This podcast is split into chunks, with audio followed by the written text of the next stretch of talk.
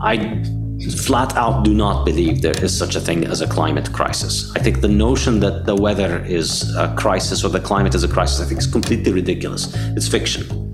Our ability to plan for the future and our ability to provide for our future is inextricably linked to how good our hmm. money is at maintaining its value to the future. Well, now with Bitcoin, you do have an alternative. And it's an alternative that does all of the things that your bank does and it does all the things that your gold does, and it does them all better. So nobody can inflate it, nobody can devalue it and take the supply that you have, and nobody can uh, take the money away from you without your permission. And nobody can put riba in it. Nobody can force you to engage in riba like you do with the other forms of money. I, th- I, I think there's a huge potential for the Muslim world oh, yeah. to lead in Bitcoin adoption because if you know if you if you don't want to take part in riba, you have the alternative right now.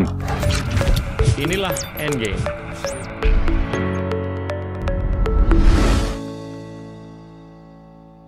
Halo teman-teman, hari ini kita kedatangan Saifuddin Amus, uh, seorang edukator uh, dan akhir-akhir ini uh, terkenal karena tulisan-tulisannya yang tercermin dalam beberapa buku termasuk uh, The Bitcoin standard and you got a fiat standard. Hi, Saifedean. Thank you so much for coming on to our show. Thank you so much for having me. It's a pleasure. Uh, I'd like to start out with, uh, you know, a little bit on how you grew up. Uh, you were born in Ramallah, and tell us, uh, you know, how you've been spending, you know, your your your time until what you're doing right now. Well, it's, I mean, it's been a long 40 years. Uh, how much time do you have to go over them? Maybe a few minutes before we deep dive into the fiat standard and the Bitcoin standard. sure, yeah. So I, uh, I was born in uh, the West Bank in Palestine, and then uh, my family moved to Saudi Arabia initially. Then we moved to Brazil for a couple of years. Then we moved back to Palestine and Jordan. Then I went and studied for university in Lebanon. So I did my undergraduate degree in the Lebanese, uh, in Lebanon, in the American University of Beirut. And then I did a master's in London at the London School of Economics and a PhD at Columbia University. After which I went back to Lebanon where I was teaching for 10 years at the Lebanese American University. And then after that, I, um, I, I, left my job at the Lebanese American University, um, and now I've become an independent uh, scholar. I teach on my website. I prepare courses online uh, at saifedean.com. It's my website, and I'm an author. So I've written the Bitcoin Standard, and my second book, the Fiat Standard, is out now, and my third book, which is a textbook in economics, is um, nearing completion. I'm writing the last chapter as we speak. So that's kind of a short summary of uh, my background. That's that's a good one. Uh, before we go into uh, some of the findings you've you've been telling the whole world with. Uh, you, you, were you were into soccer. You were you know captain and coach of the Hamra football club. Uh, I mean, it's, how, not, it's not really you... a football club. It's just uh, my friends and I. We get together and we play against other people. But uh, yeah, no, I'm not very good at it. I'm, it's, it's just uh, it's more about a way of uh, staying in shape. I don't get paid to play. Okay, all right. Let's let's let's talk about the, the the evolution. I mean, you've you've been going to schools where, you know, you've been taught Keynesian, you know, uh, philosophy, uh, and and how did you evolve as to basically start changing your views about the world, and and how you started basically coming out to you know contradict uh, you know whatever you've been taught and whatever many people around the world have been taught I mean, I, I kind of like bought into a lot of the stuff that you've been telling, uh, telling people, uh, you know, with uh, the last uh, few years. Please. Yeah, so when I was at Columbia University, I was doing my PhD, and the topic of the PhD was, um, you know, I decided I was going to go with something that was, um, I thought, not very controversial, not very political. Um, my PhD uh, program was in sustainable development, so it was in economics, but uh, focusing on sustainable development. And um, I chose to study, uh, I did my undergraduate in mechanical engineering, so I had a good background in understanding energy and uh, these things. So I decided I wanted to do the PhD to focus on the issue of uh, energy, in particular biofuels. I found that an interesting question. And in fact, um, you know, now, interestingly enough, I'm just remembering right now, part of the motivation for that was something that I read about Indonesia at some point. Because when I first started hearing biofuel. about biofuel Yeah, when I first started hearing about biofuels, uh, the thing that drew my attention was the fact that this was being promoted in um, in Europe and the US as a way of producing fuel that is much cleaner than fossil fuels. But then you started hearing about all the stories of uh, rainforests in Indonesia getting chopped down in order to grow uh, crops to make biodiesel and um, that was you know that, that was uh, something that made me curious about how these things work whether they're a good idea or not. So i started studying them. And while studying this question i um, you know i started off with the kind of um, approach that you are expected to have in a place like columbia university wherein right. you're looking at it from a top down central planning perspective. So um, are biofuels good or bad? And if they're good then you know what should government do in order to encourage them? If they're bad what should we do in order to stop them? And the, the you know this approach of looking at it from top down as if we can just answer a, fixed question and determine the best course of action this was um, how I started. But then the more that I read about it and the more that I tried to, um, the more that I tried to arrive at an answer, you know, as an engineer, because I'd studied these things from an engineering perspective, and I thought a question like this, you know, it seems like it's an economic question, but ultimately right. everything that's involved is fuels and physical things, and all of that is engineering. So as an engineer, clearly I'll be able to know, you know, this is good fuel or this is bad fuel, and you'll be able to answer that question. But um, over time, as I studied the question, I realized really the, the problem is not so much uh, the fuels themselves. The problem rather is the in the in, in the central planning, in the idea that somebody like me or a policymaker can look at the question of biofuels and make decision um, make a decision or decisions on behalf of thousands or millions or billions of people. And so and, and and I ran into this problem in a very serious uh, practical way. You know, I was trying to build a, a, a, spreadsheet model that would look at how energy worked all over the world, right. and would try and assess. You know, what would happen if the EU replaced, say, twenty percent of its fuel with mm. um, biofuels? If they replaced twenty percent of their diesel and gasoline with biofuels, would that um, be good for carbon dioxide emissions or not? And so you start off with this question, which seems like it's a technical engineering question because, you know, there's a certain amount of fuel, you replace it with other kind of fuel, and then you right. calculate the differences. But then quickly you realize, no, it's a lot more complicated than that. This isn't like studying uh, a car where we're looking at the emissions of a car. What happens if we change this? This is a far more complex system. And that's, you know, the, looking at the deforestation in Indonesia was a great example of this. So you might think that we're just took this oil out of the car and replaced it with another oil, and then that means less emissions. But you have to look at the entire life cycle. And so the thing that I was looking into is what is called life cycle analysis. So you want to look at all of the supply chain involved in producing the oil, the gasoline, and the one and the supply chain involved in producing the biodiesel, and then you want to compare essentially the world with 20% biodiesel versus the world without 20% biodiesel. But that, I mean, that sounds obviously extremely complicated, but then it even becomes more and more complicated because in reality, it's not like what you're dealing with are individual um, pieces on a chessboard where, you know, the EU passes a law and then everybody just falls into place. Well, the reality is people are going to react in ways that um, benefit them. And so you can't really figure out all the complications of how things will unfold. Once you've distorted the prices of a particular good in the market, people are going to react in all kinds of unpredictable mm. ways because you've changed their economic incentives. And of course, they're going to try and seek to improve their well being. And so, once you've created such an enormous demand for these biofuels that might sound like they're a good idea, well, now you just created an enormous incentive for people to destroy natural resources in order to produce those things because there's such a huge demand on them. And so it might well be the case that the destruction caused by the deforestation mm. is much more than the destruction caused by fossil fuels, uh, by the hydrocarbon fuels that they're trying to replace. And the you know the, the, the more that I tried to answer this from a technical perspective as an engineer, mm. the more I ran into the problem of human beings not being chess pieces, human beings not right. being like little molecules. So you can't just um, treat the world like it's a container with gas molecules and you know you increase the pressure of the container so the temperature goes up or you decrease the volume so the pressure increases That's not how humans work. Humans are a lot more complicated than that. So individuals have their will. And so trying to make sense of that, um, you know, the, the, the, engineering problem just kept on getting more and more complicated. And the only way that I tried that I managed to make sense of that was to start coming across the work of the Austrian economists. Um, initially, it was Hayek, who was like the, my gateway drug right. to Austrian economics. Usually, people start with Hayek, and so um, you know his his paper, the use of knowledge, and Menger too. Yeah. Uh, yeah, well, I mean, I think Hayek is like more of of this. Um, people people hear about Hayek first. Uh, Menger is like at the bottom of the rabbit hole.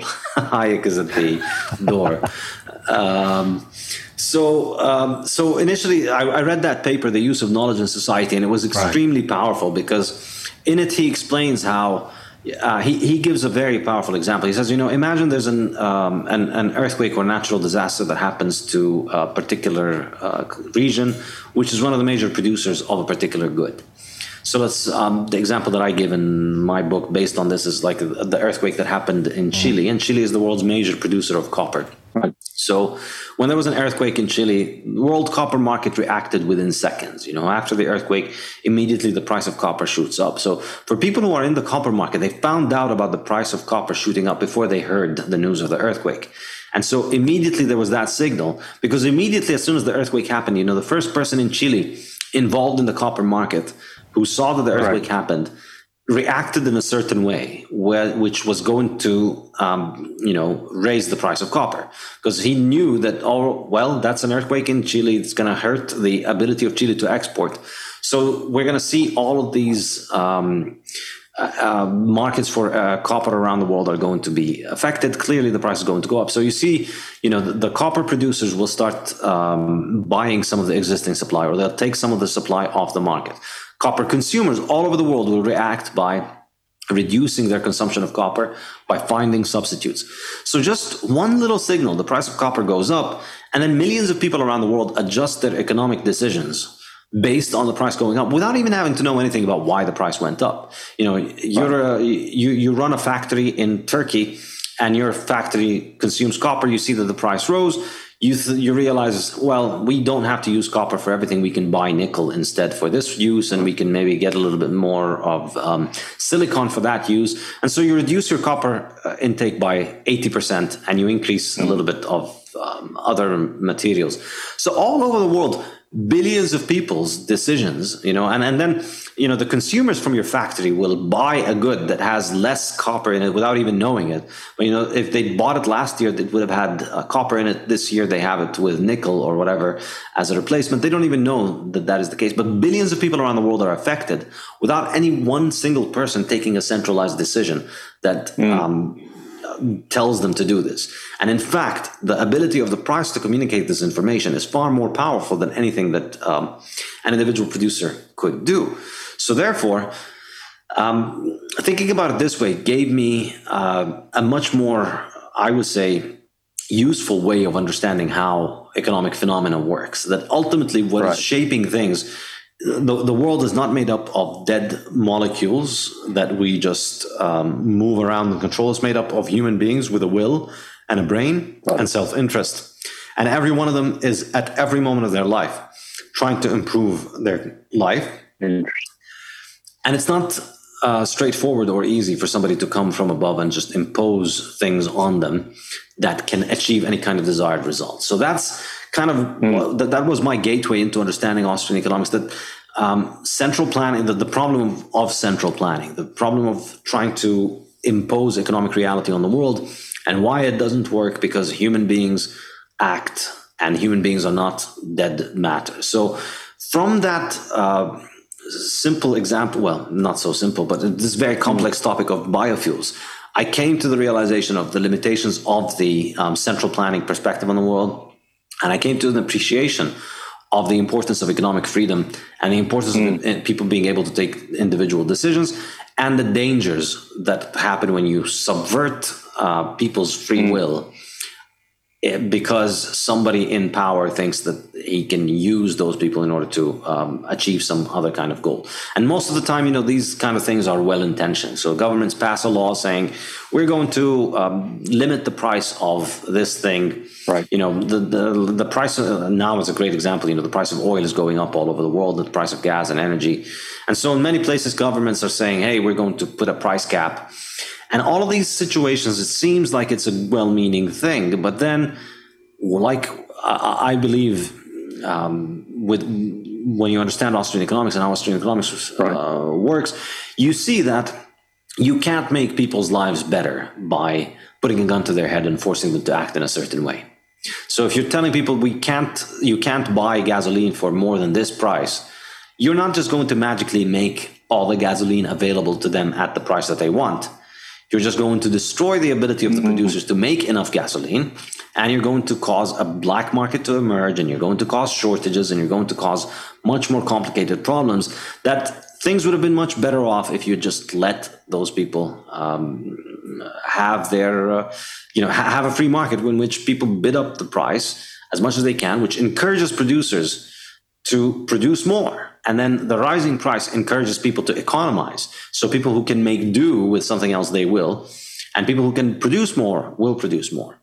So this this is kind of how I arrived at this, and then um, you know I took it from the perspective of just looking at energy markets, and then started applying it to other things, and then I became extremely fascinated with money, and that was like. Um, you know, after I finished my PhD, I was wow. just extremely fascinated with the topic of money because uh, around the same time as I was finishing my PhD, the world financial crisis was happening. And then I was getting a glimpse of the mm. same thing, you know, the same kind of energy central planning, but applied to uh, money. And so you have all these central banks printing all these enormous amounts of money and handing it over to their citizens and or, or to their banks. And the idea was that this was going to somehow make um, you know fix the economy or um, create um, solutions to the economic problems. And of course, you see the uh, implications and the and the complications that follow from it, and you see the long term consequences. And uh, that's what got me really interested in money in particular. It, it, it sounds, I mean, a couple of things I want to push you on. Uh, it, it, it almost sounds like you fundamentally believe in the renewability of energy, but you don't quite believe in the way, um, you know, we've seen misallocation of resources or the renewable energy has been done in, in ways that would have been so inefficient. That's what's, what your argument is essentially, right, against renewables. And, and, and second, it, it almost sounds like when you're trying to distinguish Keynesian from Austrian economics, it, it fundamentally boils down to the fact that one is centrally controlled and the other one is a lot more decentralized. Is, is that the right way to think about those two points that you've just raised? Um, uh, with the second one, I think definitely, yeah. This is this is ultimately what it comes down to. From the Austrian perspective, the economist is just an observer and um, it's trying to explain how the world works and understand how the world works. But from the Keynesian perspective, the economist is a central planner. The economist is the hero. The economist is the one that makes economic growth happen, which I think is an enormously, enormously inaccurate uh, presentation of reality. You know, people wake up every morning and work, and that right. produce, and that's that's what makes things happen. Production um, not uh, academics pontificating. In fact, what academics do is get in the way of the producers. Um, when it comes to the issue of energy, um, I would say when I was writing my PhD, I was under the the impression that um, that yes, there is a climate crisis and that uh, fossil fuels are a problem and that we need to move away from them. And I should say, you know, as a mechanical engineer, when I was an undergraduate, you know, we studied different different energy sources, and you do the numbers on the thermodynamics of uh, the energy contained, and um, like I had a very good understanding for why cars run on fuel rather than biofuels, why um, solar energy is not enough to run houses and so on. But then you go to graduate school in Columbia in 2004. You know, this is the beginning of the um, climate uh, obsession and where people were just really sure that the climate was just the biggest crisis. And then I started learning economics and started thinking, started understanding how powerful economic incentives are. So it got me to a point where I started thinking that economic incentives can override uh, mm. thermodynamics. So all that is needed is just that, you know if government just puts a tax on carbon dioxide or puts a tax on this fuel, then people will inevitably just find an alternative. This is how I used to think of it. But then, you know, initially my skepticism was about the central planning, but I should say that like after graduating and after reading more about this and opening my mind, I've, I've, I've changed my perspective even further and further. So I flat out do not believe there is such a thing as a climate crisis. I think the notion that the weather is a crisis or the climate is a crisis, I think is completely ridiculous. It's fiction. I don't think uh, human emissions of CO2 are a control knob for the Earth's temperature or for the Earth's climate. I think is extremely delusional, and um, it's it's it's no different from you know you see those old priests who sacrificed uh, young girls in order to make the harvest uh, better. This is exactly what it's like when people say you know we need to make a transition away from the energy sources that we need to survive in order to uh, fix the weather and stop the climate and stop the flooding and stop the droughts I think, you know, flooding, droughts, all of these things have happened for millions of years and they will continue to happen. And we have no ability to control them. And uh, the notion that it is CO2 that is driving them, I think, is completely anti scientific nonsense. And, um, but um, um, even more important than that, you know, even if you were to accept that, that is the case, uh, the onus of proof, I think, is just so enormous for people to be able to present a case against why um, the damage caused by emitting CO2 is so drastic that we would want to remove our um, use or get rid of our use of um, hydrocarbon fuels because hydrocarbon fuels are the reason that maybe 7 billion people are alive on earth rather than one uh, mm. you know rather than just 1 billion people. The reason we have almost 8 is because of carb- hydrocarbons. I mean uh, earth's population took off after we invented those fuels. They've completely changed our life. You know our life expectancy has increased because we have sanitation we have plumbing we have um, ways of treating wastewater. We have uh, we've been able to build the infrastructure that is protecting us from the environment and this is enormously, enormously important. And I think, um, you know, uh, the quality of life around the world is just simply a function of how much energy you consume. And so right. the poorest countries in the world are the places that consume the least energy. The richest countries are the places that consume the most energy. This is an iron law of history. And nobody has ever uh, tried having a washing machine and then decided, you know what? I'm going to go back to washing with my hands. You know, nobody has tried having a refrigerator at home and then decided, no, you know what? I don't want a refrigerator. I prefer to eat rotten food every now and then. This, this is a one way arrow. And all of the people who say that we need to um, fix the weather by giving up all of those things are completely insane and completely delusional because, um, you know, and I mean the word delusional and insane because these people talk about giving up all of those things, but they're completely delusional about what it entails. You know, why don't you actually show us how you can go and live by reducing your carbon dioxide emissions uh, or net zero. You know, get rid of your fridge, get rid of all of your electronics, get sure. rid of everything that is made out of. We'll start walking to work. We'll yeah, well, also.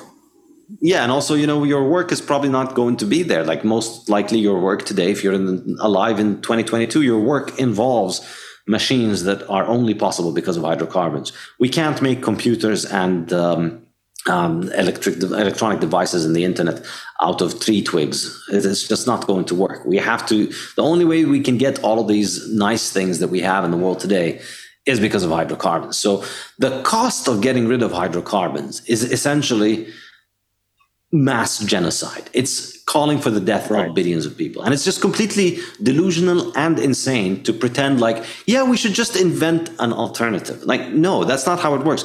We've, you know, this isn't how engineering work. You can't just go to um, Apple and tell them, yep, you need to make the iPhone out of uh, tree twigs. doesn't work that way. You know, the only way that we can make um, it, it, it isn't as if the, you know the engineers are part of an evil conspiracy with the oil companies that want us to continue to consume their oil. And that's why they make laptops out of oil. We make laptops out of oil because it's the only way that we can make a laptop. And if you don't believe me, please go ahead and make another laptop. So what I ask of those people is, you know, either do it or shut up. But you can't ask people to stop using the things that are essential mm-hmm. because frankly, it's. I mean, you, we can laugh at it. It is silly, but it is also criminal. I mean, just a couple of days ago, John Kerry, um, one of the richest people in the world, probably. I think I'm not. I'm not sure if he's a billionaire or close to a billionaire, but he's the climate envoy, and he was going to Africa and telling people in Africa, no, no, no, no, no. You can't use hydrocarbon energy because if you use it, it's going to ruin the weather for all the rest of us. So we're going to need you guys to, you know, uh, use all of these forms of energy that we in the rich world we cannot afford to use them. You know, e- even even in his um, very rich part of Massachusetts where he lives, he cannot afford to build to run his house on uh, hydro on uh, wind and solar. On, on solar he's still yeah. yeah he's got uh, he's connected to a very large, powerful grid connected to um, hydrocarbon energy or maybe nuclear.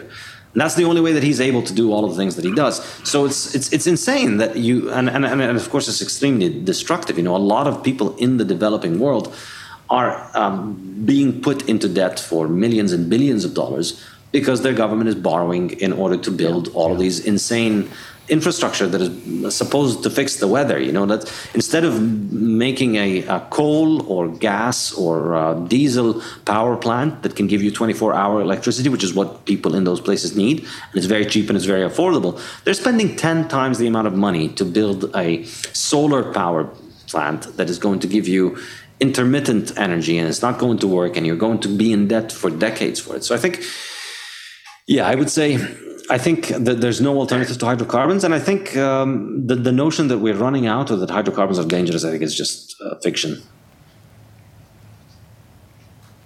Uh, I, I, I want to go to fiat, uh, but but I just want to clarify one thing. I mean, if, I want to put this in the context of how much carbon we've been emitting since 4.6 billion years ago.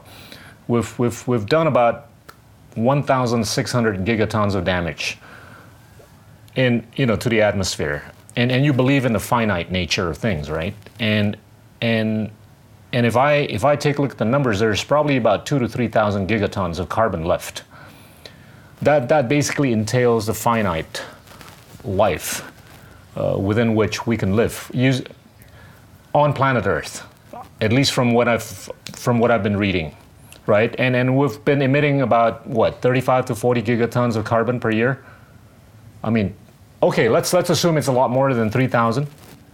But if we're emitting 35 to 40 gigatons of carbon per year, that means we have a finite life expectancy, right? Just using carbon.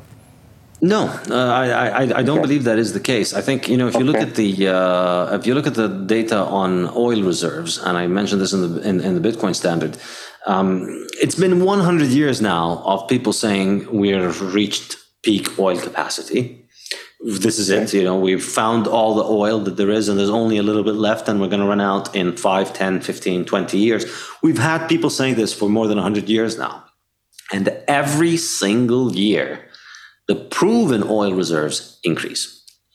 So every single year we have more oil left than we did the year before.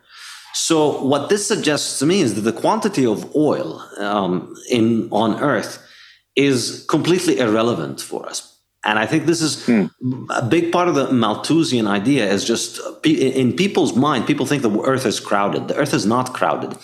In fact, if you put all human beings um, in, you know, if you took the volume of all human beings and you put them in one square, like you melted down all of humanity into one square, that square, I think that the size of it would be something like 700 meters. It's a cube of 700 meters. So you could fit all of humanity into one cube of 700 meters.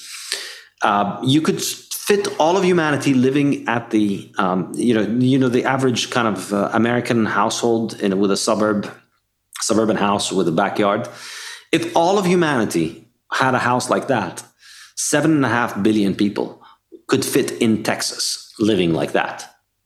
So the notion that we are running out of things is just insane. Again, it's Malthusians, and those insane Malthusians mm. have been at this for a couple of hundred years now and they've always been wrong, but they've always been extremely dangerous and extremely damaging. And, and, they've done extremely criminal things over the past century in particular because of this brain damage that they have, that this idea that we're running out. We're not running out. The limitation on how much oil we have is not how much oil exists on Earth. It's a little bit mm. like being worried about running out of water in the sea. It's just we don't have a limit on the water. The limit on how much water there is is just how much more water we can take from the sea. Mm. And similarly, the, the, the oil that is under the ground is beyond our capacity to even measure. And uh, the more we dig, the more we find. So the limit really is how much time we dedicate mm. toward getting an oil. And that's why 100 years of oil consumption and production, you know, we're consuming more oil today than we ever did despite of all of this sustainability nonsense, the reality is the yeah. world is consuming more coal, oil, and natural gas than it has ever done, and will continue to do so unless the Malthusians truly cause an, an insane and large humanitarian catastrophe. We're going to continue to consume more and more oil. And yet we continue to find more. We continue to find larger and larger quantities. So, and, and I think the other even more controversial idea that I'm, I'm not entirely sure of this, but I'm coming round to it is that I do not believe that hydrocarbon fuels are from fossils. I don't think this is a very tenable uh, contention. You know, uh, I, I, think you know the idea that they're all fossil fuels is just how can you prove that? You know, we found this thing, we burn it, and it keeps us warm, and you're trying to tell me that all of this oil everywhere on Earth was at some point a, a, dinosaur, and at some point it was a tree, and at some point it was some kind of fossil. I mean, it like imagine if somebody made this claim to you for the first time. Well, the burden of proof is extremely high. How do you know that this thing just doesn't exist there? Like, how can it? Why can't it exist in the crust of the Earth? Why can't methane exist on Earth? We know that methane exists in meteors and in asteroids that have dropped on Earth. We find that some of these hydrocarbons exist in them. So did the dinosaurs climb there and die 80 million years ago in the asteroid and to come and hit us here? We know there are places, and I've been to one of those places in Turkey, uh, where uh, there's uh, uh gas flaring out of the earth. It's just been there for thousands of years. It's mentioned in old books thousands of years ago that there are these places where gas is coming out of the, the earth and it's just burning. So you've had a fire that's been going for thousands and thousands, who knows, maybe millions of years. And it's just continued to go. And you are you really trying to tell me that all that is dead dinosaurs? I mean, how many dead dinosaurs are there? I don't. I, I, I don't think that um, hydrocarbon fuels are um, finite in any meaningful sense. So even even if I even if I were to accept that they are fossil fuels, oh. realistically, every year we find more and more, and the more we dig, the more we find. So we're not going to run into a problem of running out of oil. If we were, we would be witnessing the price of oil rising a lot because we're not finding more, and so the people who have it are selling it at a much, much, much higher price. But we don't see that. We just see them getting cheaper and cheaper over time. Yeah, it's actually peak demand now, not peak oil. Right. Anyway, I don't think we're hitting peak demand either. I think we're just going to keep demanding more and more. I mean, I, I, I, I, I pray and hope that within my lifetime, the world will be consuming 10 times as much oil as we consume today, because that's the only way. And if you, if, if you like, if, if you like the idea of poor people in Africa and in Indonesia and in India and in China, if you like the idea of those people having electricity, if you like the idea of premature babies in Indonesia, um, being able to survive because they have an incubator because the hospital has 24 hour electricity. You like oil and you like gas and you like coal. If you care more about the concentration of CO2 in the atmosphere than babies dying in incubators, if you care more than about that than billions of people surviving, then yeah, maybe you will wish that we reduce our consumption of oil. But I don't see that as a very compelling thing because I think, you know, um, you know, you could start with yourself. Try and um, get rid of oil for yourself before you preach it for the poor people. No, no, I, I get it. I get it. But but hypothetically, I want to go to fiat. But hypothetically, if you had two washing machines, mm-hmm. one is powered by hydro, the other one powered by you know fossil or hydrocarbon, and and the non-fossil or the non-hydrocarbon is cheaper. Which one would you use? Of course, I'll use the cheaper, but that's not okay. the right. situation that the vast majority of people would use. I get it. I buy your argument. I buy your argument.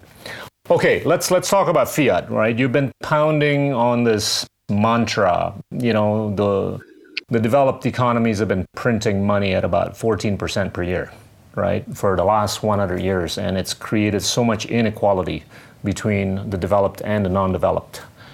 And, and if we take a look at the asset classes, we've got real estate at about $326 trillion globally. You've got the bonds at 120 trillions, equities at 110, money supply at 100 trillions, gold at 10 trillions, and Bitcoin slightly below $1 trillion. What's, what's happened, you know, with the world? Uh, it, it, it, it, it sounds a little bit conspiratorial, uh, in terms of how the developed economies have been printing mo- uh, money, uh, you know, much more, you know, disproportionately than anybody else could have in the last 100 years. Talk talk about that. Yeah. So uh, just a small small little um, uh, on the numbers. The numbers I have are for 60 years, from 1960 to 2020, and it's worldwide. So the 14% is like the global average. 14% money supply okay. increase. So that includes Zimbabwe and Venezuela and uh, China and uh, all the world's countries. The global money supply grows at an average of around 14% over the last 60 years.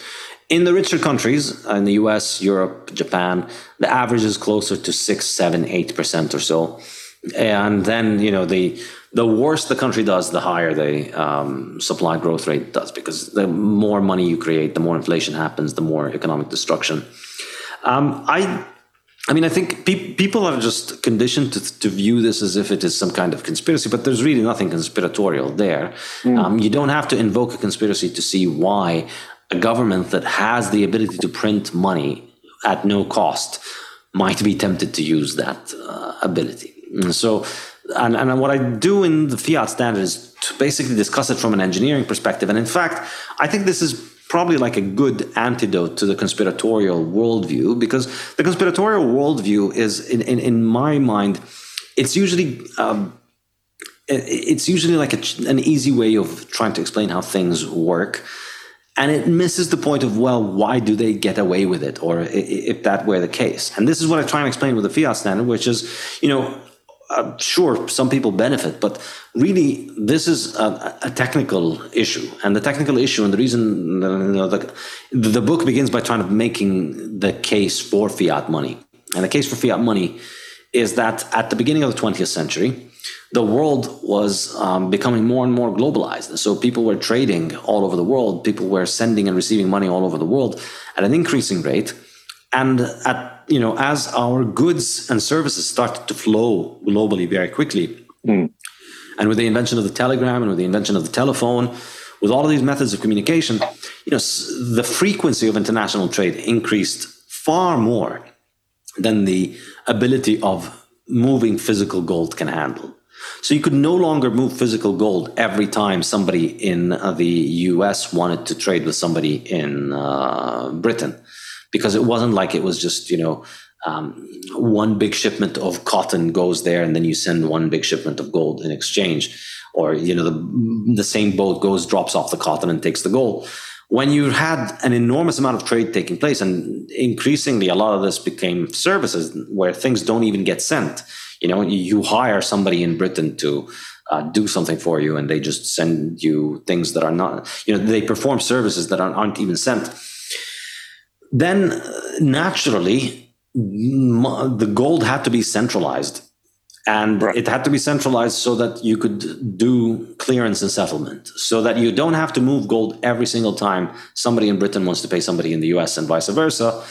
You have an account at a bank in britain. I have an account at the bank in the us and then at the end of the day week or month the banks uh, settle with one another. You know we sent you this much you sent us that much. So that means you owe us this much gold. So we'll send you this much gold at the end of the month or the end of the year.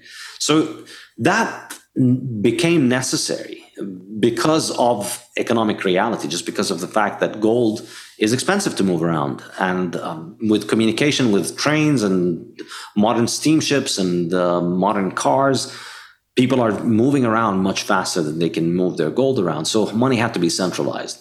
Well, money gets centralized, now, right. once it's centralized, effectively the uh, entity that controls the central bank, its credit becomes as good as money. Because if it says, I will pay you uh, this much money tomorrow, um, or you know, give me this thing, and I'll pay you with a promise to pay you tomorrow. it's as good as money because they are the ones who right. keep all the promises. And so that just puts an enormous amount of power in their hands. And I, I mean, again, to go back to the conspiratorial idea, like you see this happening in every single government and in every single country and over the world, not because of some overarching conspiracy, just because it's human nature. You're putting a centralized uh, authority in charge of the money of all of society. And as Mises says, you know, the temptation is just too strong for, for, for people in charge because you, you know, you, let's say you issue paper credit and you issue financial instruments that are backed by gold.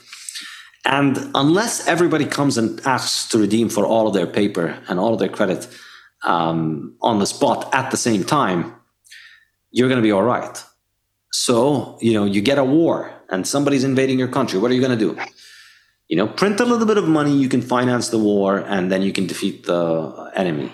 Well, then the war is over and you've defeated the enemy, and like you convinced people that this was okay and that the rise in prices was not caused by inflation, it was because of the evil enemies.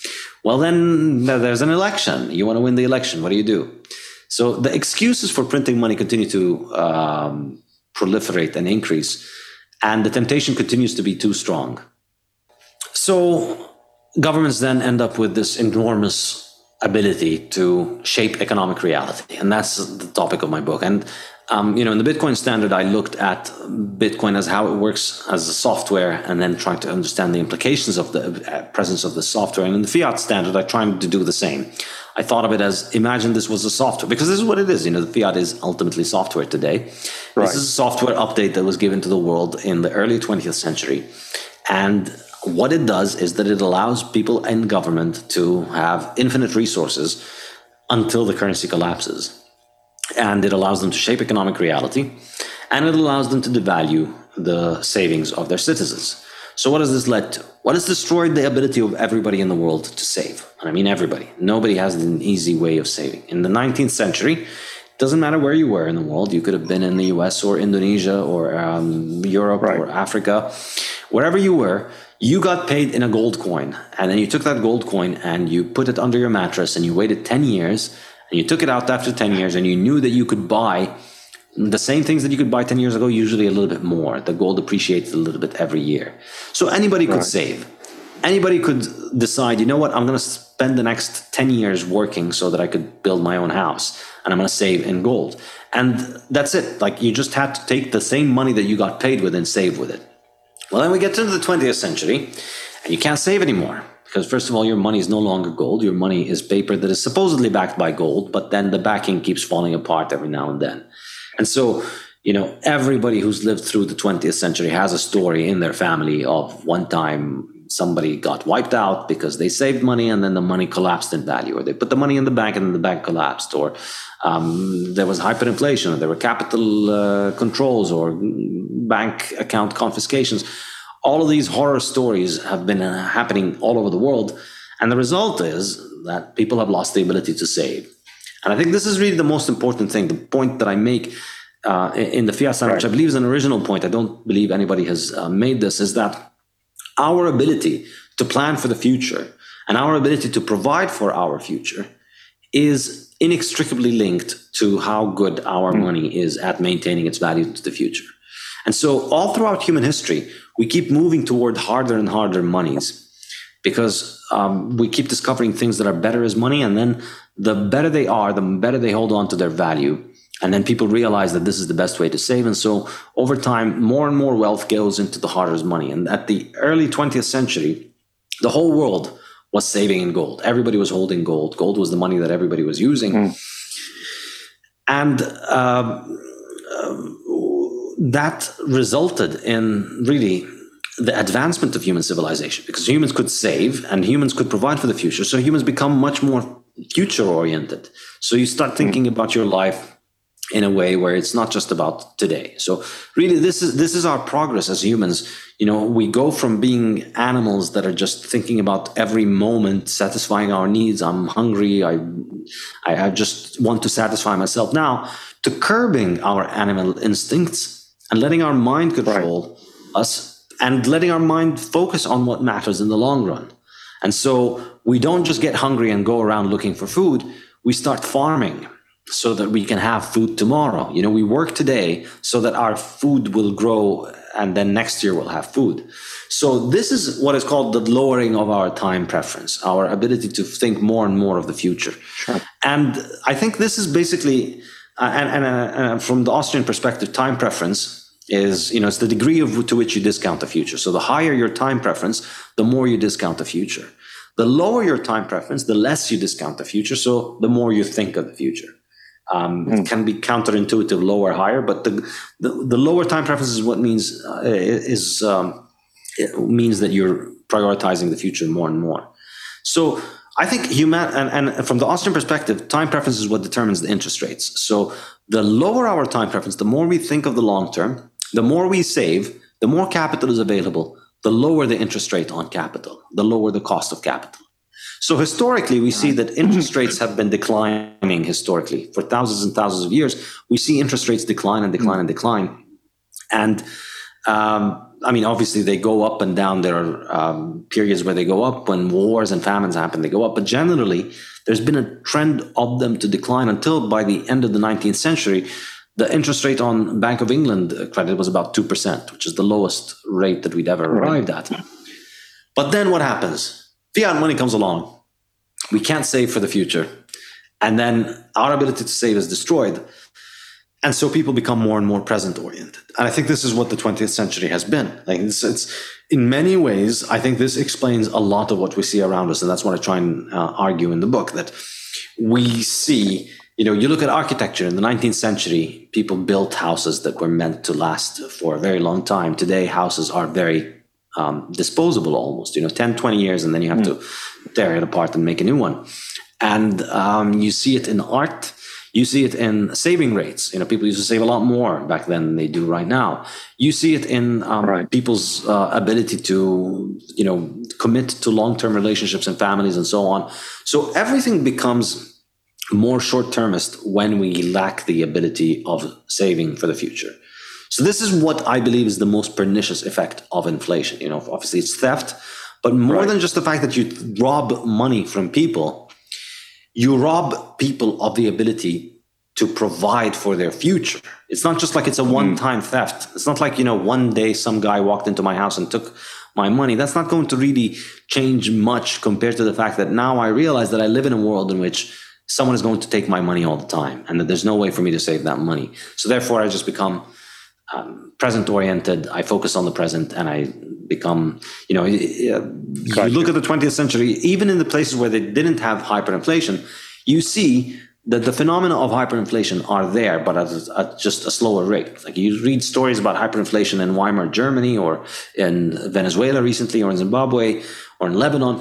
You know, people are focused on day to day survival and then their ability to plan for the future is completely lost. And Low inflation does the same thing, but a lower at a lower rate, I think. Look, I mean, if if we go back to let's say 2008, ever since uh, 2008, we've seen maybe quantitative easing of 30 to 35 trillion dollars, uh, just amongst the developed economies: the U.S., the U.K., European Union, Japan, and to some extent China it, it, it just seems that the inevitability of not being able to go back to the gold standard is really high, right? And, and what, what hope do we have in trying to bring down time preference, you know, from a level that's gotten so much higher than ever? And, and I want to put this in the context of countries like Indonesia, where we are actually producers of gold, right? Uh, I, I, think there is a chance for some countries to be able to go back to the, the pure gold standard uh, as to try to bring down time preference uh, to a much lower level than whatever we're seeing right now in humanities. Uh, what's, what's your view on this? I mean, I think uh, you know what we need is hard money. What we need is for the average person in Indonesia to just um, and it's going to take, unfortunately, it's going to take years and maybe decades for people to snap out of the idea that your money is is, is not built to steal from you. Because right now, you know, people act uh, wisely when they uh, when they think of their money as being just something made to steal from you. So you think of your dollar as a liability. It's not an asset. Like you, if you're holding dollars, you're basically donating wealth to the U.S. government and its uh, friendly banks. Um, so if you take that away from people and you give them an alternative that is money that is hard that holds on to their value i think you'll see a very significant difference in the way that people think about the future i think people will start saving more and people will start uh, becoming more future oriented and um, I, I mean, I, I was a gold bug for a very long time. So, well, not very long, but I mean, as I, as I became an Austrian economist at the end of my PhD, I became very much a gold bug.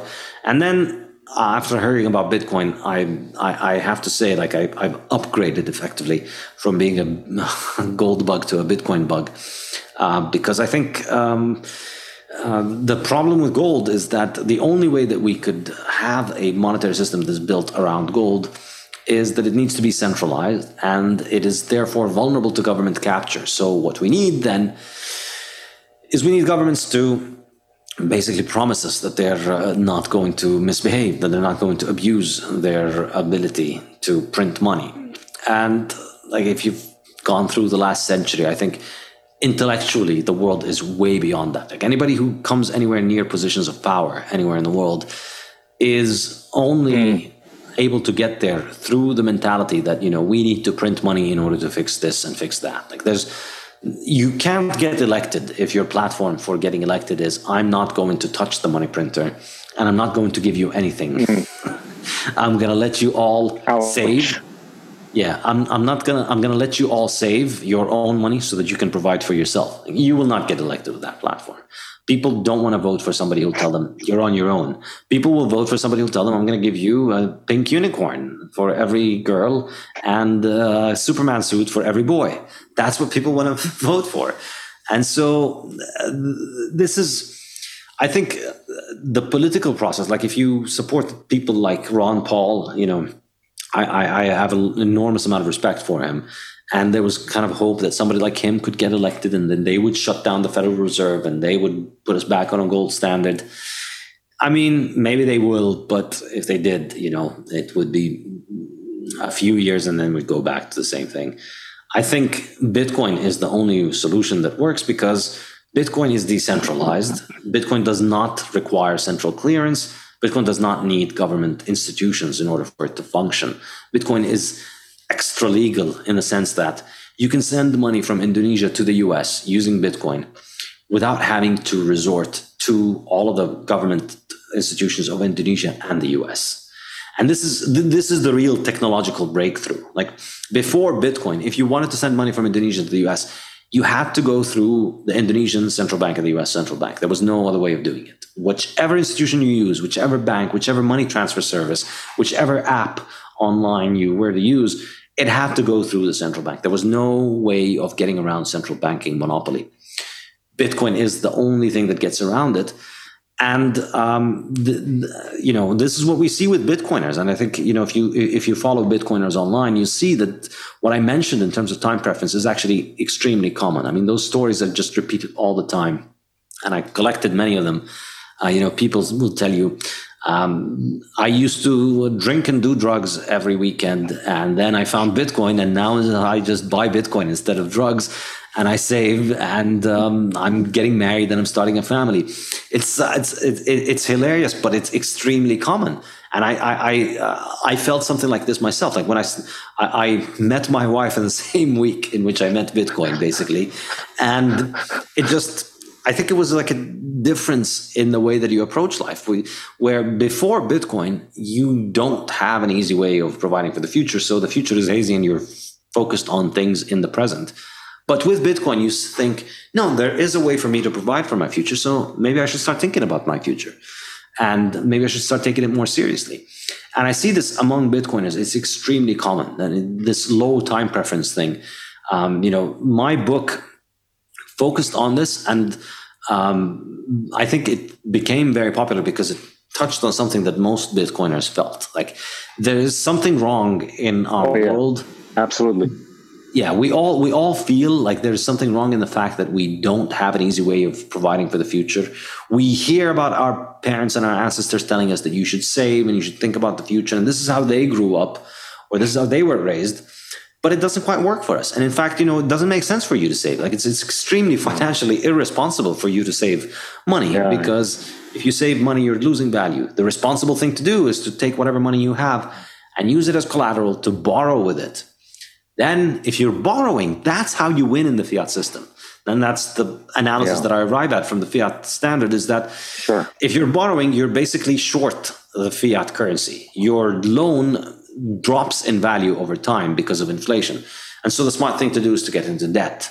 Of course, it's a smart thing financially, and it's a smart thing in the short term, but in the long term, it takes its toll on you. You know, nobody enjoys uh, being in debt. Nobody enjoys uh, the feeling of, oh, will I be able to make the payment at the end of the month, or am I going to be kicked out of my house, or am I going to have my business confiscated? But that's what you need to do on the fiat standard. We have to right. all be living on the edge, you know. Financially, we have to always be overstretched, very fragile, and um, vulnerable to any little shock leaving us on the street in order to beat inflation. That's the way that we can do it. You know, I've been trying to put uh, a lot of the stuff that you've been saying in the context of what Indonesians have gone through, right? And, and I put it in very simple terms where, you know, it would have cost us X to buy a bowl of noodles in the 70s. And it would have cost us X to buy a bottle of water. It would have cost us X to pay for parking. And each one of these three services or goods would have gone up by multiples of 600 to 1,000 times. And then we've been taking pride in the way our GDP has gone up, you know, by 30 to 40 times since the 70s until today. You know, we usually have about $30 billion GDP in the 70s, and now we've got $1.1 trillion. And right there, it just stares at you that our purchasing power has been deflated, right? Uh, while we've been sort of like trumpeting to the world that, you know, we've kind of like you know, grown in a big way by 30 to 40 times in the last 40, 50 years. And, and I, th- I think it's catching on. You know, I think uh, it's catching on almost to the extent or the way your stuff has caught on to a lot of the Bitcoiners out there. Uh, I'm, I'm just, you know, we've, we've seen some correction in the last few months with regards to Bitcoin. You want to share your views on this? I, I, believe in the philosophical essence of Bitcoin as the intersection between what can travel over space and what can travel over time.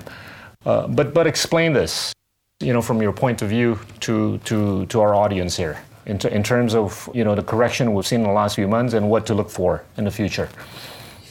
I mean, I, I, don't think there's anything unique about uh, this particular correction. Um, we've had, uh, so I think the, from top to bottom, it was maybe 70%, like from 69,000 to I think it was, uh, the bottom was around 17,000. So it was around, I'm not sure what the percentage was, but it's around 70, 75% decline. But we've had bigger declines than that in Bitcoin. And in particular, you know, these kind of cycles seem to happen every four years around the uh, halving. So every four years, the new supply of Bitcoin, uh, the daily production of Bitcoin drops by half.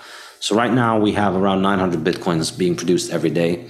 Four years ago, it was 1,800. Four years before that, it was 3,600. And four years before that, it was 7,200 Bitcoins a day. So every four years, we get this uh, drop in the production of Bitcoin. And what it does is um, it's, it's like a shock on the market because it's, uh, there's a reduction in the quantity of Bitcoin that is uh, being uh, traded, that is being produced and being added onto the market.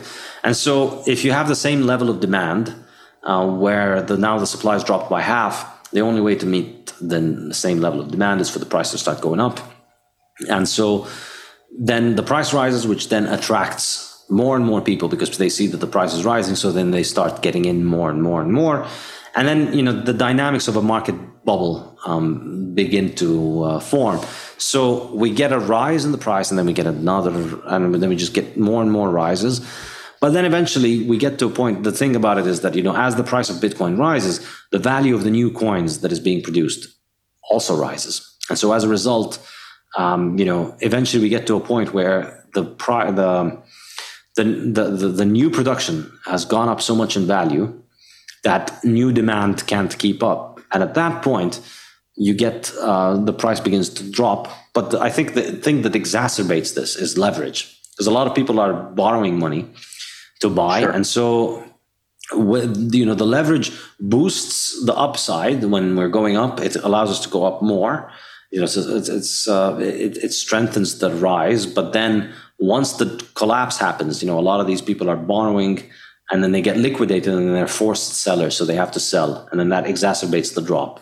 So we've had these happen over um, uh, every single time that this has happened, and um, it, hmm. it, it, it, it, reinforces the point that I always tell people, which is that you know Bitcoin is not a short term speculation. So I, I always tell people, you know, don't buy Bitcoin today so that you will sell it in six months. Uh, don't buy Bitcoin to sell it in a year or two.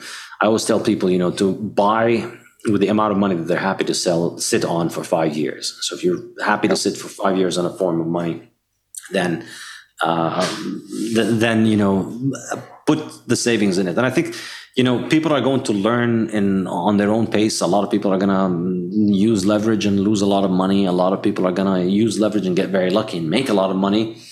But I think in the long run, um, what's going to stick is uh, this idea that uh, uh, what's what's going to succeed the most is just people buying and accumulating a position that grows over time, and right. then um, I, th- I, think with time, as the positions continue to grow, um, we're going to see. Uh, just an increase in the amount of cash balances in Bitcoin, which is already what is happening. And so, as you were saying earlier, you know, we've only at around 400 billion dollars worth of Bitcoin right now, which is a drop right. in the ocean of the global money markets, but it's right. growing. And so I think um, you know we can continue to witness this growth, and the more it grows, um, the more it gains as a monetary uh, standard. The more the more it becomes um, a monetary standard and and and and a, and a, tool that people can use for trade. You know, if, if we take a look at the amount of quantitative easing in the last two and a half to three years, it, it would have been around, I would guess, 11 to 12 trillion dollars. And then we're seeing signs where central bankers are starting to sterilize, suck the money out of the system. That, that would have had some bearing, I think, on all kinds of asset classes, including Bitcoin. And that, that explains probably the volatility that we've seen in the last few months. I want to I wanna, wanna go back to the point that you've been raising a few times in, in lectures and stuff where uh, you know, you've got bonds that are sitting up there at about 120 trillion dollars globally and equities, and you've been much bigger believer of equity stories. And, and how do you see the changing of asset classes going forward uh, by virtue of the rise of Bitcoin? Yeah, I mean, so um, many people say Bitcoin is digital gold, and I, you know, I've helped propagate that idea. My book um, mm. talks more about gold than Bitcoin, and it argues right. Bitcoin is um, uh, is essentially a digital, better version of gold. So um, I think the obvious trade here is that Bitcoin can eat a big part of the market for gold, not the market for gold as jewelry, but the market for gold as a monetary asset, which is significant because it's worth trillions of dollars. So you know you could say ten trillion dollars of gold is um, the market for Bitcoin, but I think the the real market, the real gold that people use today, or the fool's gold that people use today, people don't really use gold as money because gold is no longer really money. And you can't bank with gold. There are no gold banks. The IMF doesn't allow any governments to peg their currency to gold. And mm. you can't just open a gold bank. So nobody really uses gold. Well, not nobody. Uh, I mean, the majority of wealth in the world is not stored in gold. Um, the thing that plays the role of gold in the world economy today is bonds, in particular government bonds. So the uh, you know the the, the, the American uh, saver will put their savings in bonds and uh, stocks. And, and the idea is that stocks are like an investment and bonds are more like savings, where the point of bonds is not to make money, the point is to not lose money. This is, you know, you just make a little bit of a return to compensate you for inflation. And that was the idea uh, previously. And it worked for a few decades, particularly if you believe government inflation statistics. Uh, so the bonds offered you a slightly higher return than CPI. And, you know, if you don't pay attention to the prices of the things that you buy and you focus on government statistics, then it seemed like you were uh, protecting yourself from inflation by buying bonds. In other words, it's the way to save for the future, and then you take risks with stocks. So, um, I think the way that I see it is that uh, you know, uh, well, bonds obviously were unsustainable as a model uh, because um, like it's it's a perpetual motion machine. Like we're going to devalue the currency to pay bondholders to compensate them for the devaluation of the currency. There's something missing there. Why devalue the currency in the first place? Clearly, you're not going to pay them enough to compensate them for the devaluation, or else you wouldn't have done the devaluation. Um, because there's clearly something in it for you. so uh, that model can maintain. You can maintain that model for a few years and decades, but eventually, we get to where we gotten right now. And you know, it depends on how much you believe in government statistics. But at this point, nobody, um, you know, even even the most avid fans of the fiat monetary system will tell you that yeah, bonds can't beat inflation. So currently, you get what one percent, two percent, three percent, five percent on your bonds. Inflation is much higher than that by any stretch of the imagination. So right now, bonds don't really work to save um, you. So I think really the big. Uh, the main dish for Bitcoin, the main course, is going to be the bond market. I think gold is the appetizer, and the main dish is the bond market. I think there, there there's no reason for anybody to hold bonds. I think it's just completely ridiculous at this point that you know you're you're taking on risk in order to lose money, basically. Um, you're taking on default risk, and the idea was, oh, bonds were low risk, um, but they offer you some return. No, then now they Uh, offer you a negative return and you're taking on all the default risk of all of these insane governments that you know lock their people up at home and, and tell them not to work because of a virus. And they are the governments that are banning their people from using the energy that they need to survive because they want to fix the weather. Like would you lend to somebody like that?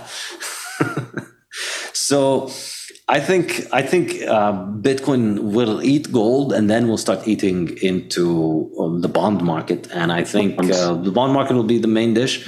And then for uh, for for dessert, I think will be the monetary premium on things like real estate, art, and stocks. A lot of the money that's in art and stocks and real estate, people are not buying stocks because they believe in this company or they understand the thesis. They want to buy the stocks because they don't want to hold cash. So all of that will be taken out. People who will buy stocks will buy stocks because they understand the company and they think they have a good investment thesis and we'll go back to being you know investment being a sane thing done by sane professionals who know what they're doing rather than just a casino for everybody. And similarly with real estate we'll, we'll, we'll get rid of this idea that you know your house is your saving account. Your house is not a saving account. Your house is a consumer good your house is like your washing machine, like your laptop. It's something that you buy so that you can consume and you need to pay constantly to maintain it. It's not a saving account and you only use it as a saving account because you don't have a saving account.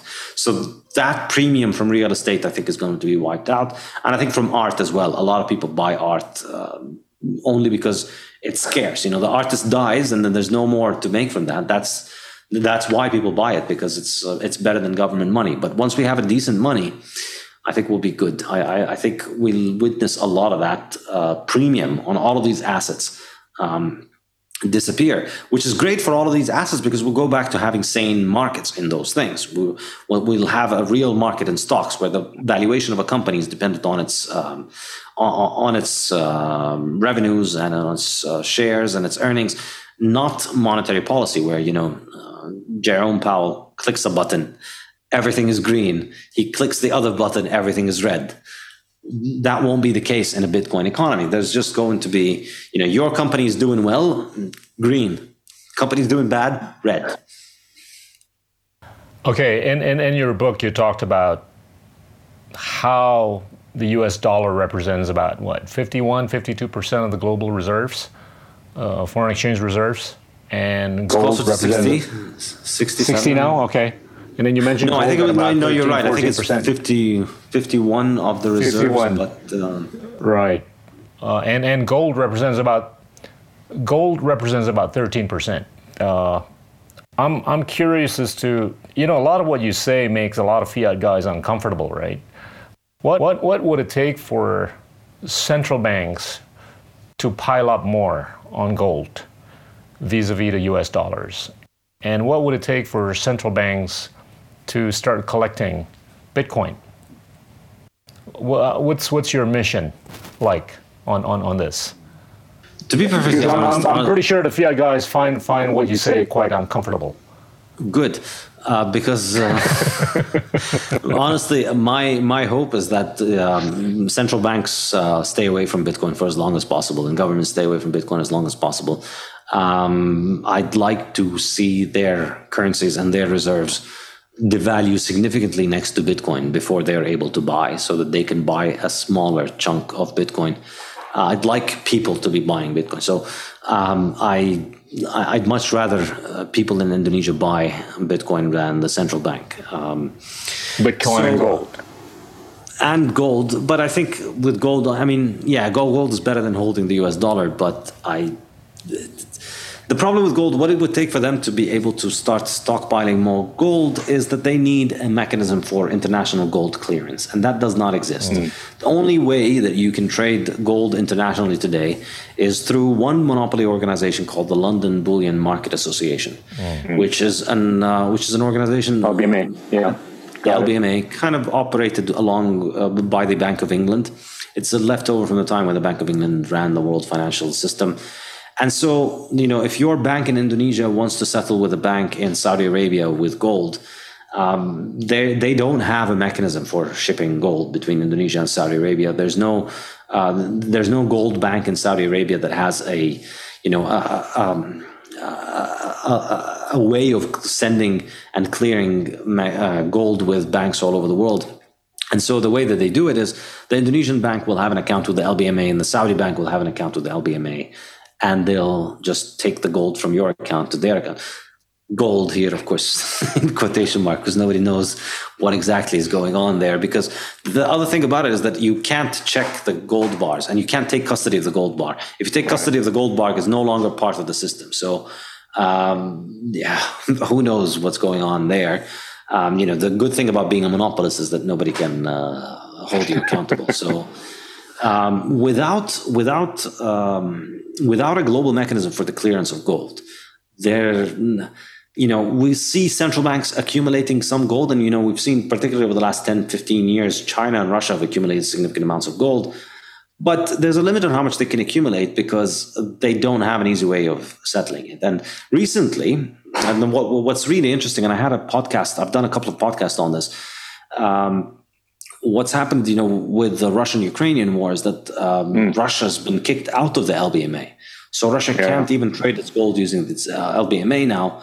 And so they're talking about building something as an alternative mechanism for settling gold worldwide. Will that work? Will it not work? I don't know. But I think there's serious reasons why it can't work. And ultimately, I think it's just kind of like um, to to an extent, it's almost like saying, "Hey, you know, we can uh, get rid of uh, the Microsoft monopoly by going back to typewriters." In a sense, yes, we can go back to typewriters and get rid of Microsoft, but you know, for all of the bad things about Microsoft, and I hate Microsoft from the bottom of my heart, it still beats typewriters. You know, you can play solitaire on Microsoft, you can't play solitaire on typewriters, and there's a few other apps that are uh, good uh, for Microsoft.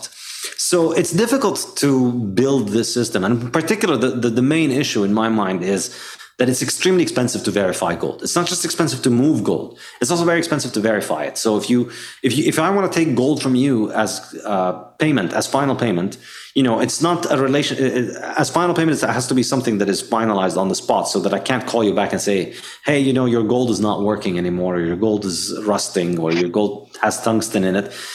I have to take final delivery of it, so I have to test it on the spot, and the only way to do that, uh, you know, if you're using a coin or a small little gold bar, then you can do it with a spectrometer.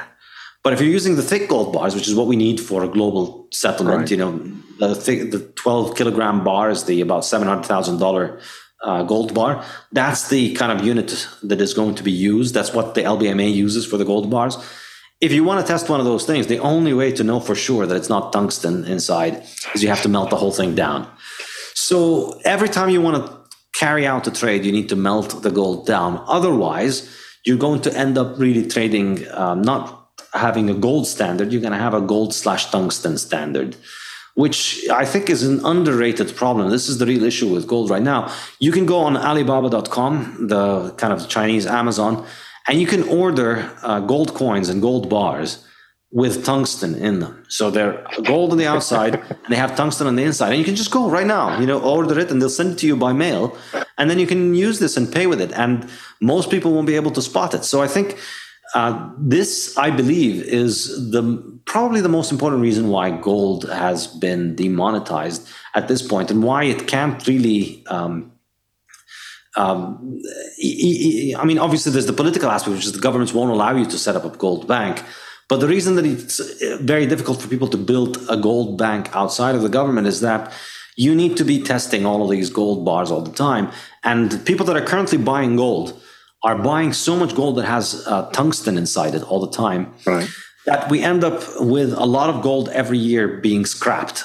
So we're, uh, you know, the, what makes gold a monetary metal is the fact that the supply, as I mentioned in the Bitcoin standard, the fact that the supply does not get consumed. We're constantly accumulating more gold.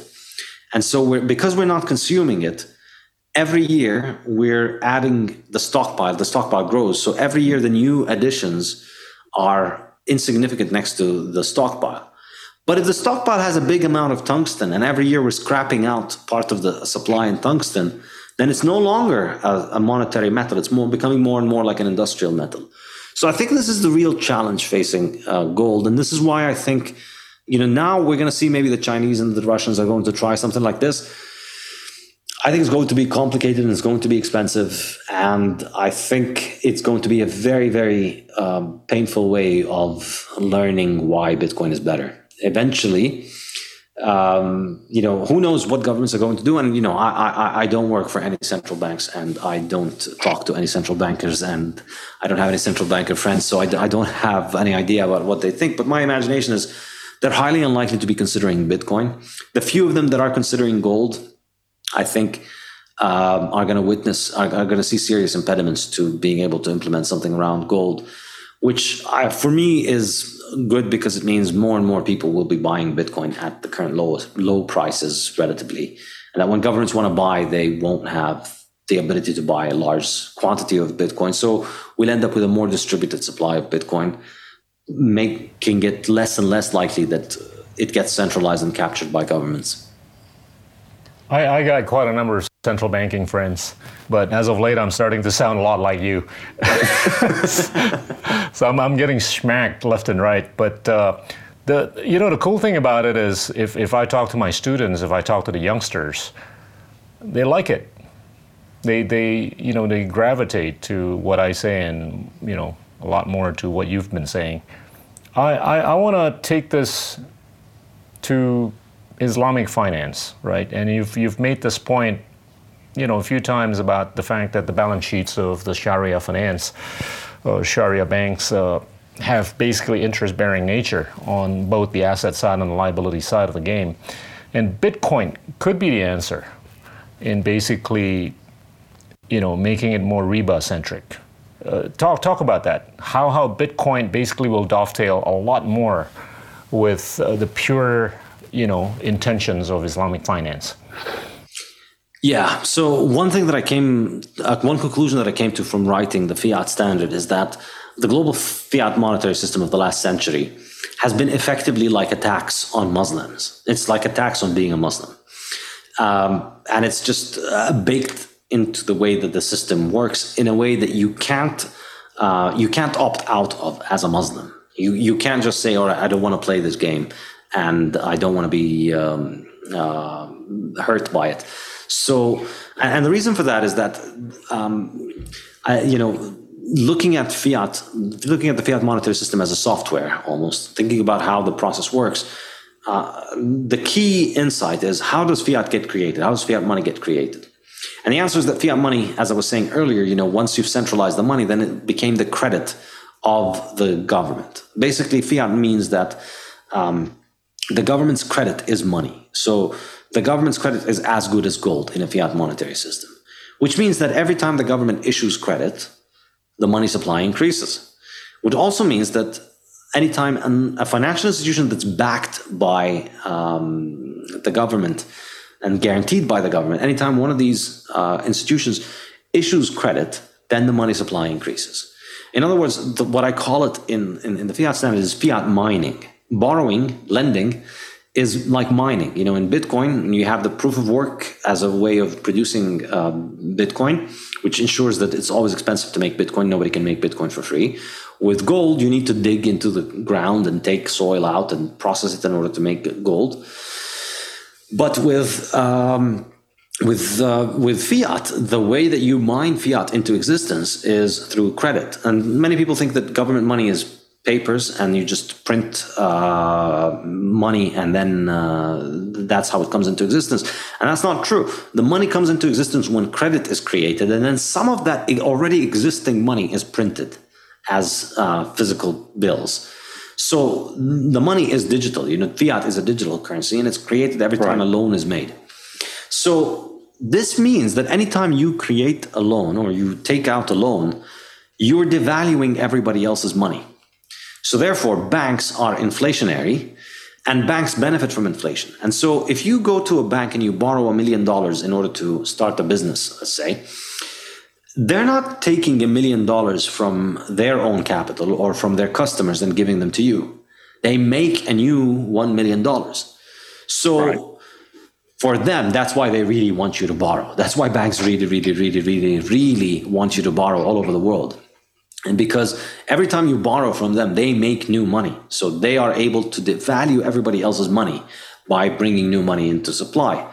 And that's why it's much cheaper for you to buy your house with a loan than it is to buy it with cash. Because if you save money to get to the to buy the house, you're saving money that is declining in value. So the house keeps getting more expensive and your savings keep becoming uh, less valuable. Whereas if you borrow, then you're letting the inflation work in your favor the new money is generated. You've devalued everybody else's money to make let your bank make these new $1 million that they're going to get paid back in inter- with interest. And because you're letting your bank do this very sweet deal the bank is obviously going to cut you in on the deal because they want you to do that. So you know they're not going to take it all to themselves. They're going to make it a lot sweeter for you to buy the house or start the business on credit than it is for you to do it with savings so that's why if you have a million dollars, you don't start a business with a million dollars. You use it to borrow $10 million so that you can start a business that's worth $10 million. So what this means is that basically, if you engage in riba, you are mining money. You're printing money. It's like mining gold. And so if your religion tells you you should not get into riba, then you've locked yourself out of uh, money creation and you know you're and if you're but of course you still have to use the money right? So if you're a muslim and you don't want to take loans and you decide that you want to save money because you don't believe in riba you're holding the money that is being devalued in order to finance everybody else's riba. So in other words whether you take part in riba or not yourself you are taking part in it because it's baked into the fiat protocol at the protocol level. The only way that fiat money comes into existence is through riba. And this is true in the US, in Europe, it's true in uh, Islamic countries, it's true everywhere. The, the, the global financial system is built around this idea that money gets generated from debt. So you can't escape it if you're using the government's money. Uh, there's just no way around it. The only question is will you benefit from it or will you get hurt by it? And even if you benefit from it, obviously you're not going to very easily benefit because, like, um, you know, you borrow and then you're at risk, and then you could lose your house, and like it's it's not like it's all um, rainbows and roses if you just get into riba, um, but it is um, there is a possibility that you could come out ahead with riba. Without riba, you're basically um, uh, you're just financing everybody else getting into riba, and so up until I, re- I wrote the Bitcoin standard and I thought about this very hard, I hadn't really considered this in this way. But you know, when you look at it like around the world today, the majority of Muslim scholars, particularly the ones that are related, you know, the ones that are approved by governments, have in one way or the other found a way to basically get around this. and like I'm not yeah, I'm not I'm not a religious scholar and I can uh, you know, I, I don't want to pass judgment whether that's okay or not. I can sort of see the case for why you might uh, want to say that something like this is okay. Like after writing the fiat standard, I can understand why, um, you, you, as as a religious authority, you you know you see how much people are getting hurt by inflation when they hold savings and you see how much more expensive it is for them to get a house and again i'm not i'm, I'm not passing a religious judgment here but i can see where the uh, case for allowing people to engage in this is because essentially we're in a world in which there's um, there's you could argue perhaps there is no alternative to it um, and you know there are there are kind of similar justifications. Like you know, if somebody puts a gun to your head and tells you, um, "I will shoot you unless you uh, drink alcohol," I believe it would be permissible. Um, so it, you could see it as you could make the case for it in that way before Bitcoin.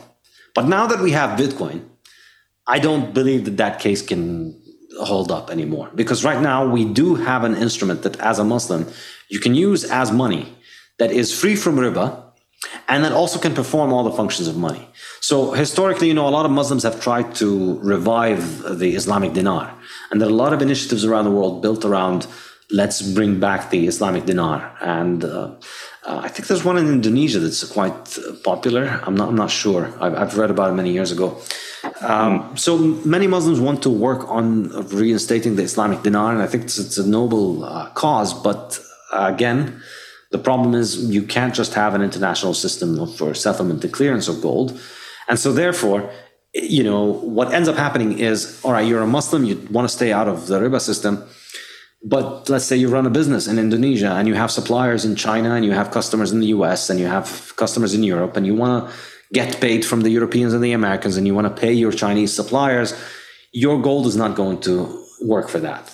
So what ends up happening is that you have part of your portfolio, part of your cash balance in gold, part of it in uh, uh, your local fiat, part of it in dollars, part of it in um, yuans.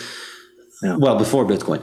Uh, so you had to diversify between all those different things, and you had no choice but to deal with your local riba bank. You know, you had no choice. You had no way of dealing. If, if you wanted to buy things from abroad and send things abroad, you had no choice but to get paid through your local fiat riba bank. Well, now with Bitcoin, you do have an alternative. And it's an alternative that does all of the things that your bank does, and it does all the things that your gold does, and it does them all better. So nobody can inflate it, nobody can devalue it and take the supply that you have, and nobody can uh, take the money away from you without your permission, and nobody can put riba in it. Nobody can force you to engage in riba like you do with the other forms of money. And so, because of all of that, I think it's um, I, th- I, think there's a huge potential for the Muslim world oh, yeah. to lead in Bitcoin adoption because if you know if you if you don't want to take part in riba, you have the alternative right now. Mm.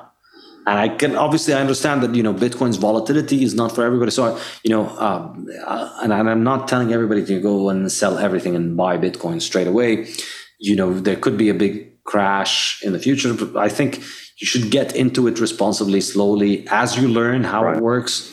And, you know, um, particularly, you know, as a business, if you have, you know, if you're a business and you're, you're running your accounts with the local currency, you have right. liabilities and assets and you have um, inflows and outflows denominated in currency. You can't just switch everything to Bitcoin, but you can begin to build a cash balance in Bitcoin.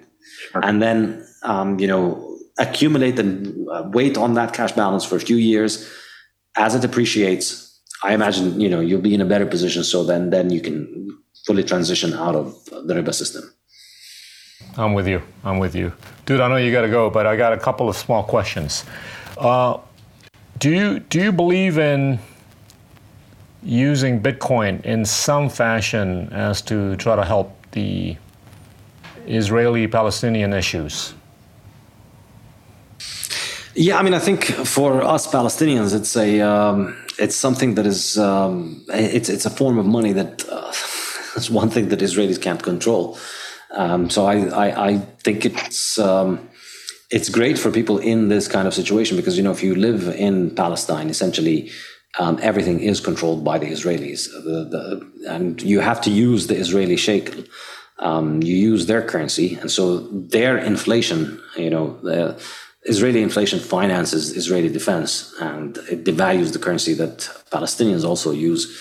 So uh, it's an excellent way to opt out of it, and it's an excellent way for people to be able to get around the restrictions. And I think, in in particular, you know, for Palestinians, uh, I, I, think the internet um, is, is, is, is, a great, powerful tool for um, liberation because it's very difficult to move things around. Like the, the West Bank and Gaza are two of the most isolated places in the world, almost because even though they're in a very central location, it's very expensive to get things in and out because of all the political problems and because of the Israeli restrictions.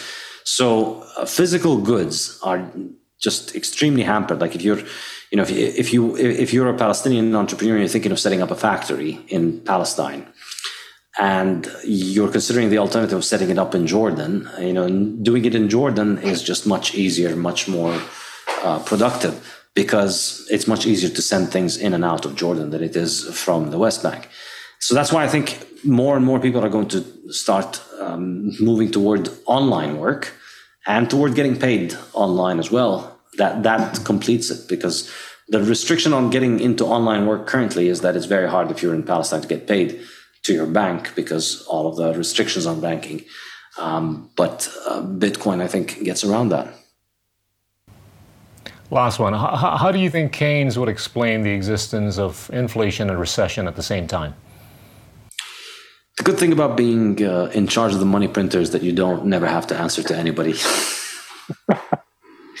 the way that he would explain it is that he would just fire anybody in any form, of position that would ask this question. Like, you, just, you know, nobody asks this question uh, anywhere. You know, it's uh, it's a very important question because according to the Keynesian model, yeah, there's a trade-off between inflation and unemployment. If aggregate expenditure is high, then we have inflation. If aggregate expenditure is low, then we have recession. We can't get the two together. Yet we constantly get the two together. And we constantly see examples of the opposite low inflation and low unemployment. So the notion that there is a trade off is completely um, refuted empirically. You don't see it anywhere. Um, you don't see the famous Phillips curve. You don't. You do not see it. But also, you do not hear anybody ask any person in author- in a position of authority about it. Like, why doesn't anybody ask the central bankers? Don't you think that your models are broken? If you think that there's a trade off between um, printing between inflation and recession. How do you explain the fact that we have both right now? Nobody asked that question. So this is this is why I love Bitcoin because Bitcoin means we no longer have to argue with those people. We no longer have to explain to them. We no longer have to try and explain to people who control a money printer why they should switch it off. They're never going to be convinced. That's, that's, that's the great thing about Bitcoin. We don't need to convince them. We're just going to opt out and we're going to have a better money. And we're going to uh, use that money to improve our lives while they continue to wallow in their primitive monetary system. Hey, I really enjoyed this. Thank you so much. Thank you. Thank you so much. And, Likewise, and, I really enjoyed it too. And and and enjoy Austin. Enjoy Austin. Thank you. Thank you very much. All right. Hope to catch up with you. Likewise. Thank you yeah. so much. It was my right. pleasure. Cheers. Take care. Bye. Yeah. Teman-teman, itulah Saifedean Ammous, edukator. Terima kasih. Inilah Endgame